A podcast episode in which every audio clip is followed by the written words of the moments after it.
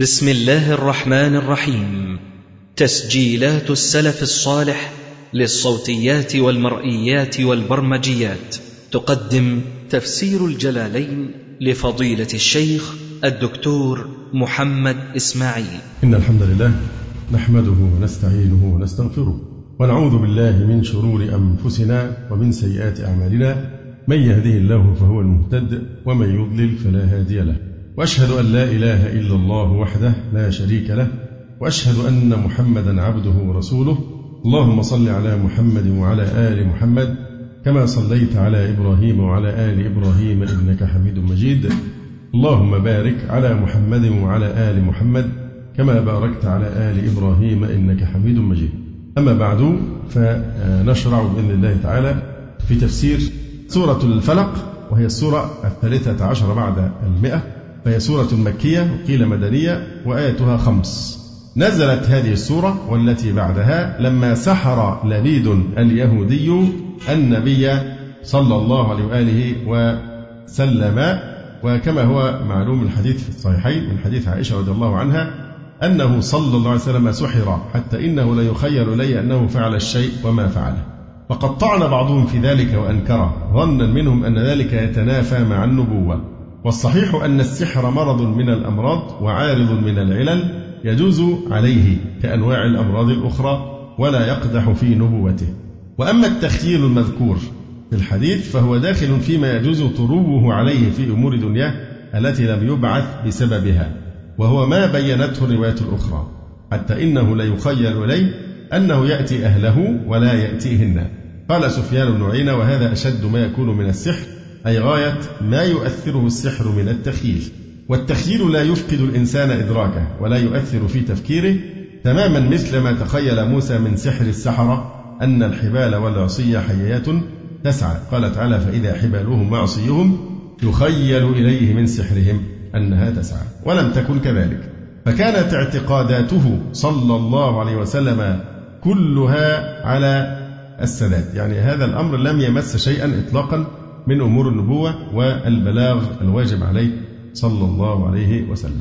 يقول نزلت والتي بعدها لما سحر لبيد اليهودي النبي صلى الله عليه وسلم في وتر به إحدى عشرة عقدة فأعلمه الله بذلك وبمحله فأحضر بين يديه صلى الله عليه وسلم وأمر بالتعوذ بالسورتين فكان كلما قرأ آية منهما انحلت عقدة ووجد خفة حتى انحلت العقد كلها وقام وكأنما نشط من عقال. قل أعوذ برب الفلق. طبعا أعوذ مقول القول. قل أعوذ برب الفلق والفلق هو الصبح. يقول الشاعر يا ليلة لم أنمها بت مرتفقا. أرعى النجوم إلى أن نور الفلق. أي الصبح. من شر ما خلق. ما موصول. وخلق طبعا هيبقى العاد هنا محذوف. يعني من شر ما خلقه. يعني من حيوان مكلف وغير مكلف وجماد كالسم وغير ذلك. ومن شر غاسق إذا وقب. طبعا الشر هنا مضاف إلى إيه؟ إلى المخلوقات. لأن الشر لا يضاف إلى الله أبدا. الله سبحانه وتعالى منزه من أن ينسب إلى إليه. شر وهذه قاعدة مهمة جدا درسناها مرارا في قضايا القضاء والقدر. أن الله لا ينسب إليه شر كما في الحديث والشر ليس إليك. لا ينسب الشر أبدا إلى الله سبحانه وتعالى وأفعاله كلها خير عز وجل. ومن شر غاسق إذا وقب أي الليل إذا أظلم أو القمر إذا غاب. فالغاسق هو الليل إذا اعتكر ظلامه. يقول الشاعر يا طيف هند لقد أبقيت لي أرقا إذ جئتنا طارقا والليل قد غسقا. غاسق إذا وقب أي الليل إذا أظلم أو القمر إذا غاب. وقب يعني دخل ظلامه كل شيء. ومن شر النفاثات السواحر تنفث في العقد التي تعقدها في الخيط أي تنفخ فيها بشيء تقوله من غير ريق. هذا هو النفث وقال الزمخشري هو النفخ معه أي مع الريق. كبنات لبيد المذكور فهن آه، اللواتي فعلن السحر بأمر أبيهن والاستعاذة تشمل الساحرين أيضا. طبعا هنا من بدع التفاسير أو بدع المعتزلة الضالين جم في الآية ومن شر ما خلق فبيقروها إيه؟ ومن شر ما خلق. حتى يسخروا الآية نصرة مذهبهم في أن الله لا يخلق الشر. والله سبحانه وتعالى يخلق الشر لكن لا يحبه ولا يرضاه. فالمعتزلة الضالون حاول بعضهم أن يقرأ الآية من شر ما خلق. يعني إيه؟ على أنها ما نافية. لكن كما ذكرنا قطعا هي ما الموصولة أو المصدرية ومن شر حاسد إذا حسد. يعني إذا أظهر حسده. لأن ممكن يكون الحسد بقوة كامنة فما دام كامنا في نفسه لن يؤذي به أحد لكن إذا حسد فهنا هو فاعلا مؤثرا فإذا حسد يعني إذا أظهر حسده وعمل بمقتضاه كلبيد المذكور من اليهود الحاسدين للنبي صلى الله عليه وسلم وذكر الثلاثة الشامل لها. قوله من شر ما خلق تخصيصها بالذكر بعده لشدة شرها. والحسد هو تمني زوال النعمة عن المحسود وإن لم يصر للحاسد مثلها. أما الغبطة فهي مباحة وهي المنافسة بأن يتمنى أن يكون عنده مثلها. إذا نلاحظ هنا في هذه السورة الكريمة أن الله سبحانه وتعالى عرف بعض المستعاذ منه ونكر بعضه. يعني قل أعوذ برب الفلق من شر ما خلق. طبعا هنا مضاف فتبقى دي معرفة. ومن شر غاسق إذا وقب. غاسق هنا نكرة ثم قال ومن شر النفاثات هذه معرفة. ومن شر حاسد هذه نكرة. فعرف بعض المستعاذ منه ونكر بعضه للتعميم والتخصيص. فكل نفاثة شريرة. ومن شر النفاثات هنا جاي معرفة. ليدل على أن كل نفاثة كل ساحرة فهي شريرة. أما الحسد فإنه نكرة. وقال ومن شر حاسد. إذا حسد. فنكره لماذا؟ لأن الحسد منه المحمود ومنه المذموم. وفي الحديث لا حسد إلا في اثنتين. وقال أبو تمام إن العلا حسن في مثلها الحسد. وقال أيضا وما حاسد في المكرمات بحاسد. من أجل ذلك آه، نكر آه، حاسد.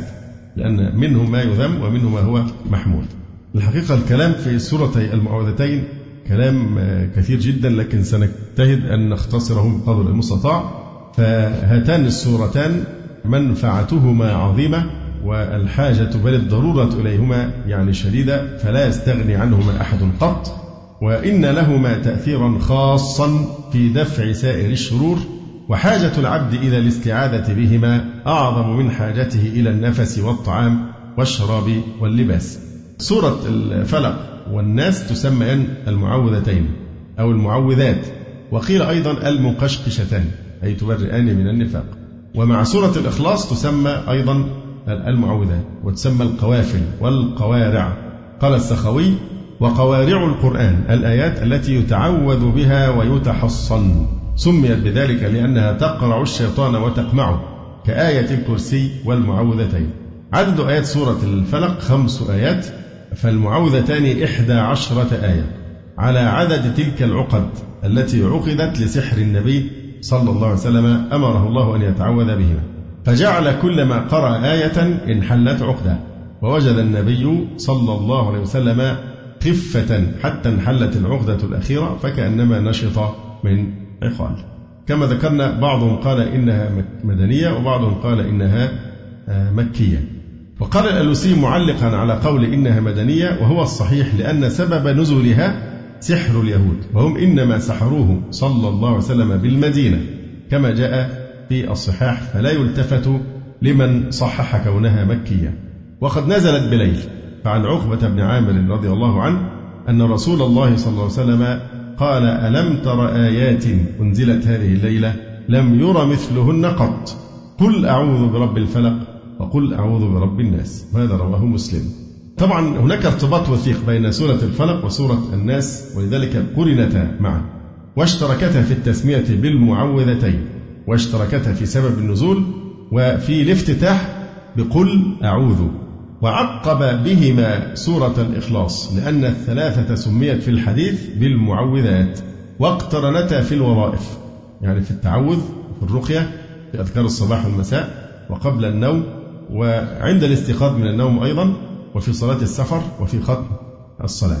أما سر الترتيب فلما بين فيما سبق أنه الصمد الصمد الذي يصمد إليه الناس في حوائجهم فإذا كان الصمد هو المقصود في كل أمر ففي هاتين السورتين أرشد إلى الالتجاء إليه والاستعاذة به من شرور خلقه.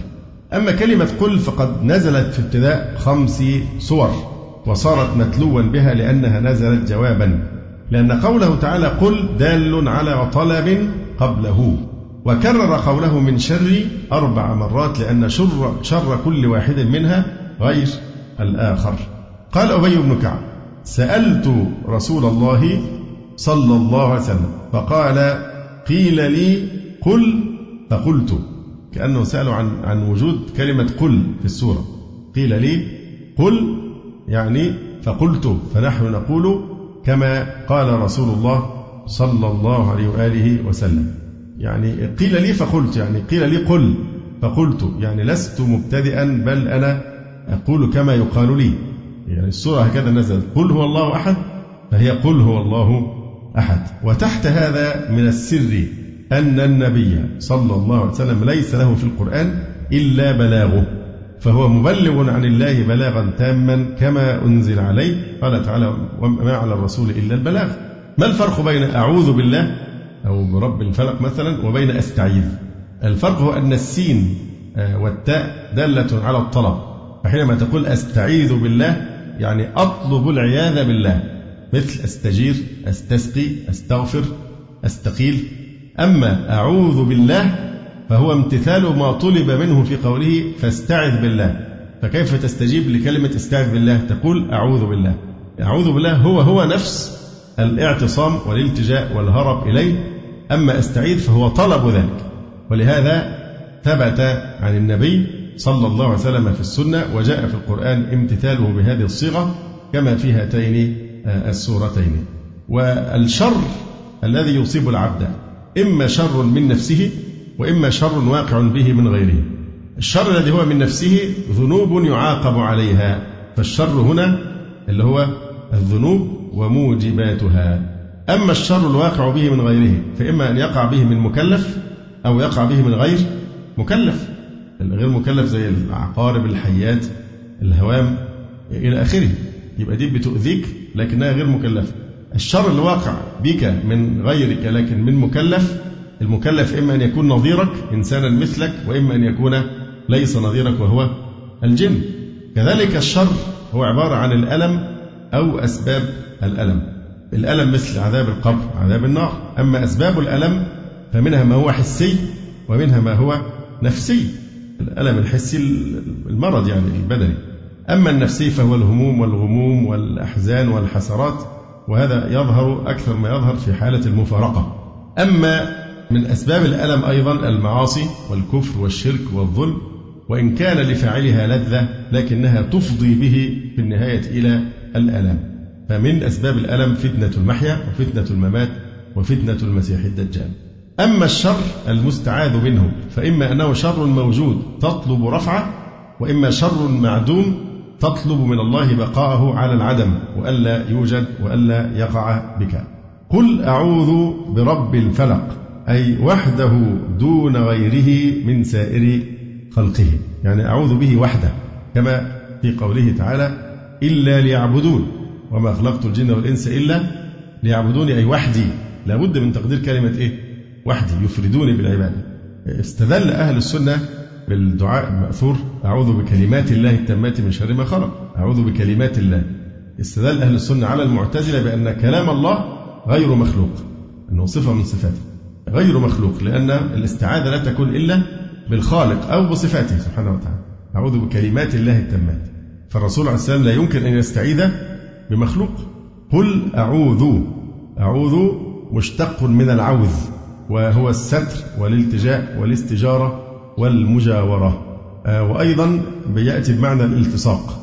يقال أطيب اللحم عوذه.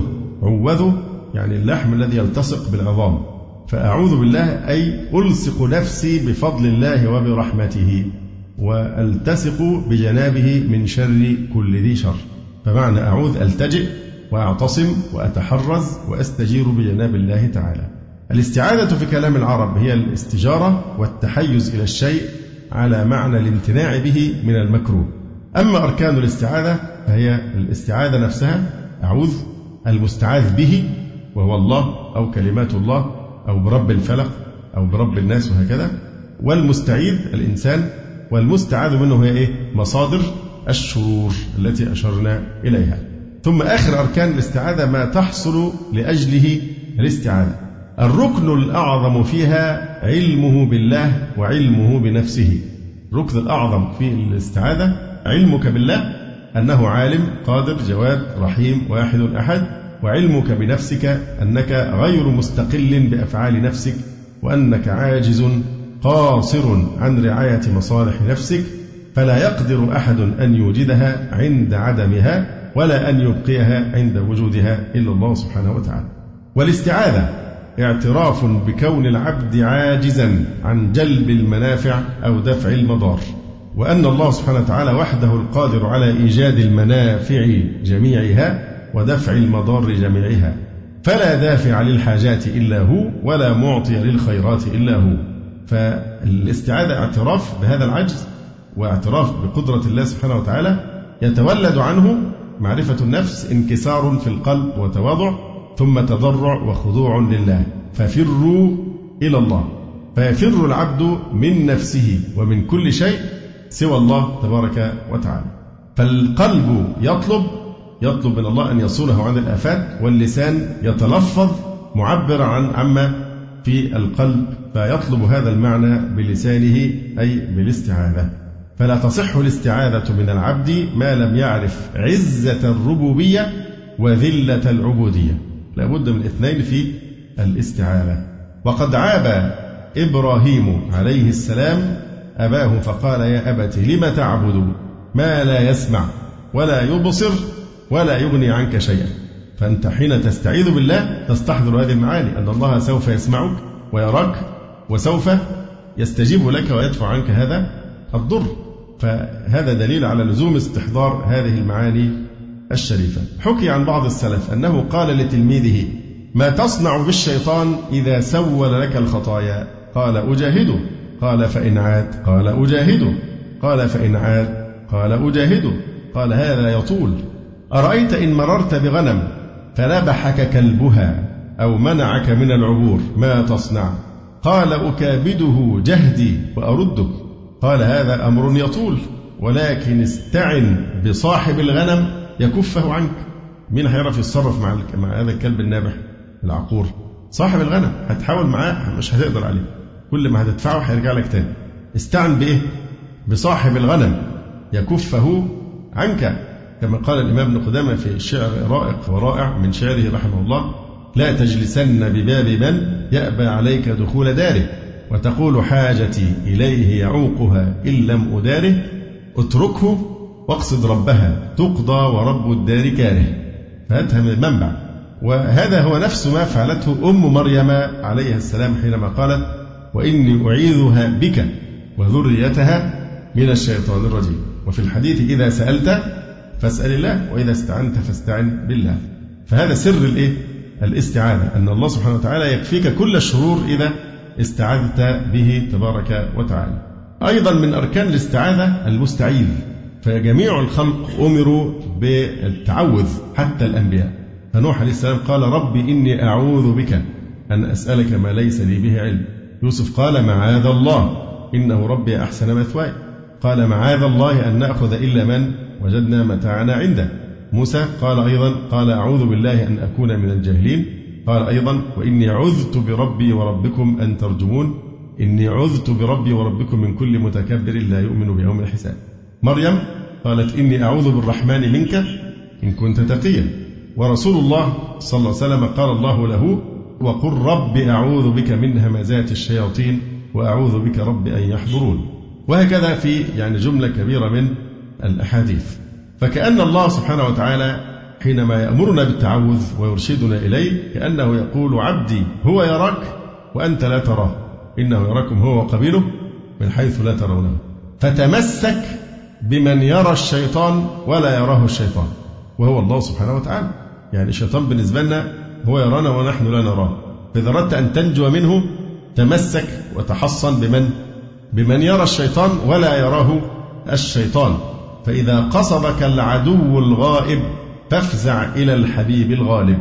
يقول الشاعر يا من ألوذ به فيما أؤمله ومن أعوذ به مما أحاذره لا يجبر الناس عظما أنت كاسره ولا يهيضون عظما أنت جابره وعن عقبة بن عامر رضي الله تعالى عنه أن رسول الله صلى الله عليه وسلم قال إن الناس لم يتعوذوا بمثل هذين. قل أعوذ برب الفلق وقل أعوذ برب الناس. برب الفلق. إذا قلنا إن الفلق هو انفلاق نور الصبح عقيب الظلمة. فتعليق العياذ باسم الرب. ما قالش قل أعوذ بالله. لكن قال قل أعوذ برب الفلق. هذا ينبئ عن النور عقيب الظلمة. رب الفلق. الفلق هو النور بعد الإيه؟ الظلام.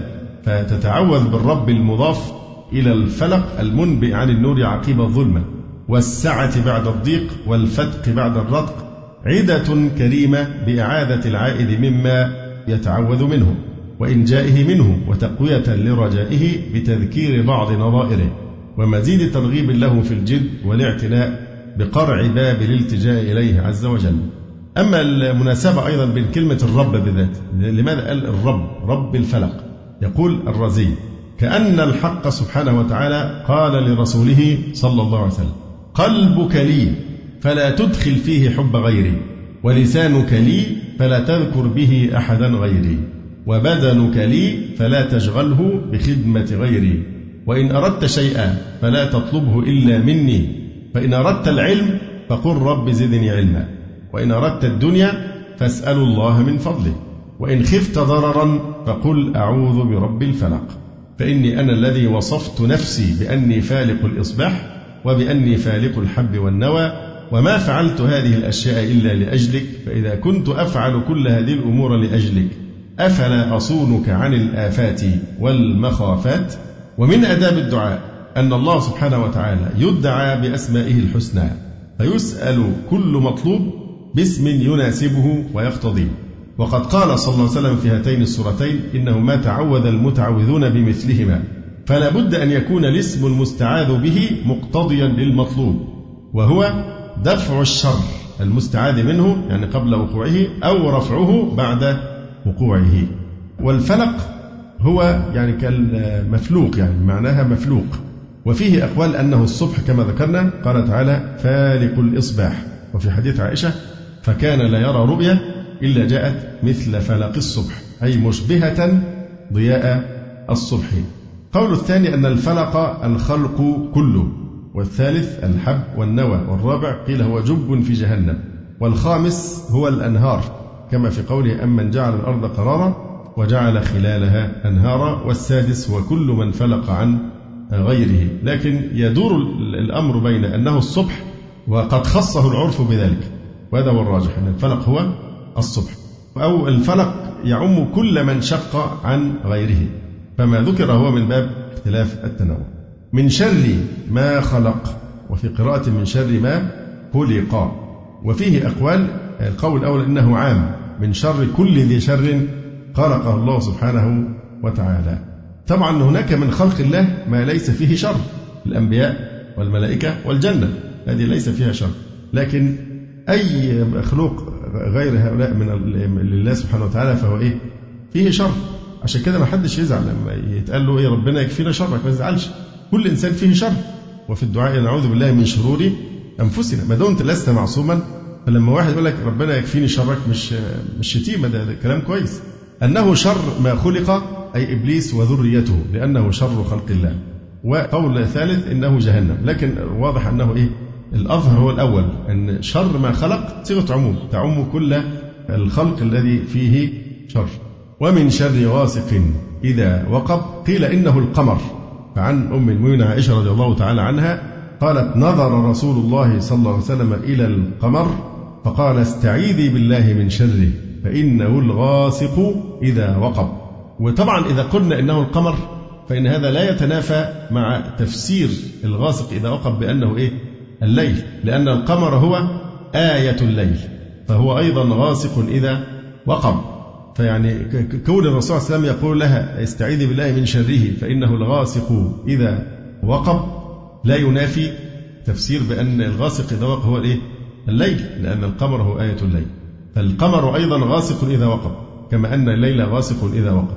فكون قال عن القمر إنه غاسق إذا وقب لا ينفي عن الليل نفس هذا الاسم. فتخصيص النبي صلى الله عليه وسلم له بالذكر لا ينفي شمول الاسم لغيره. مثلا لما سئل النبي صلى الله عليه وسلم عن المسجد الذي أسس على التقوى قال هو مسجدي هذا. فهل هذا ينفي أنه مسجد قباء؟ أن مسجد قباء أسس على التقوى؟ لا ينفي. كذلك مثلا لما قال في في الكساء حديث الكساء المعروف اللهم هؤلاء إيه؟ أهل بيتي. اللهم أذهب عنهم الرجس وطهرهم تطهيرا. هل هذا ينفي دخول غيرهم؟ يعني من كانوا أصحاب الكساء علي وفاطمة والحسن والحسين رضي الله تعالى عنهم أجمعين. فالشعب يتمسك بهذا. اللهم هؤلاء أهل بيتي. هل هذا ينفي أن أزواجهم من أهل بيته؟ كيف؟ والقرآن الكريم يقول إنما يريد الله ليذهب عنكم الرجس أهل البيت. من المخاطب أساسا في الآيات؟ أزواجه فهذا لا ينفي ذاك. فهم من أهل بيته الحسن والحسين. أو هم أقرب أهل بيته. لكن هذا لا ينفي دخول الأزواج. كذلك الحديث مثلا ليس المسكين بهذا الطواف الذي ترده اللقمة واللقمتان والتمرة والتمرتان. ولكن المسكين الذي لا يسأل الناس شيئا ولا يفطن له فيتصدق عليه. فهل معنى ذلك أن الطواف ينفى عنهم اسم المسكنة؟ لا ينفي اختصاص الاسم به وتناول المسكين لغير السائل أولى من تناوله له. زي أيضا ليست شديد بالسرعة وإنما الذي يملك نفسه عند الغضب. فهو لا ينفي الاسم عن الذي يصرع الرجال إن دي شدة. لكن المقصود هنا إيه؟ فمثل هذا التصريح لا ينفي يعني ما عداه ومعنى وقب أي غاب أو دخل في الكسوف لأن أهل الريب يتحينون وجبة القمر. يقول الشاعر أراحني الله من أشياء أكرهها منها العجوز ومنها الكلب والقمر. هذا يبوح. وهذا يستضاء به وهذه ضمرز قوامة السحر. قل قولي هذا وأستغفر الله لي ولكم. سبحانك اللهم ربنا وبحمدك أشهد أن لا إله إلا أنت أستغفرك وأتوب إليك. جزى الله فضيلة الشيخ خير الجزاء ونسأل الله جل وعلا أن يرفع مكانة الشيخ في المهديين وأن يجعله علما من أعلام الهدى والدين. ولا تنسونا وتنسوا الشيخ من دعوة صادقة بظهر الغيب. وتقبلوا تحيات إخوانكم في تسجيلات السلف الصالح بالإسكندرية. هاتف رقم صفر ثلاثة فاصل أربعة تسعة أربعة سبعة ستة خمسة اثنان. والتليفون محمول صفر عشرة واحد ستة أربعة واحد تسعة ثمانية صفر. والسلام عليكم ورحمة الله وبركاته.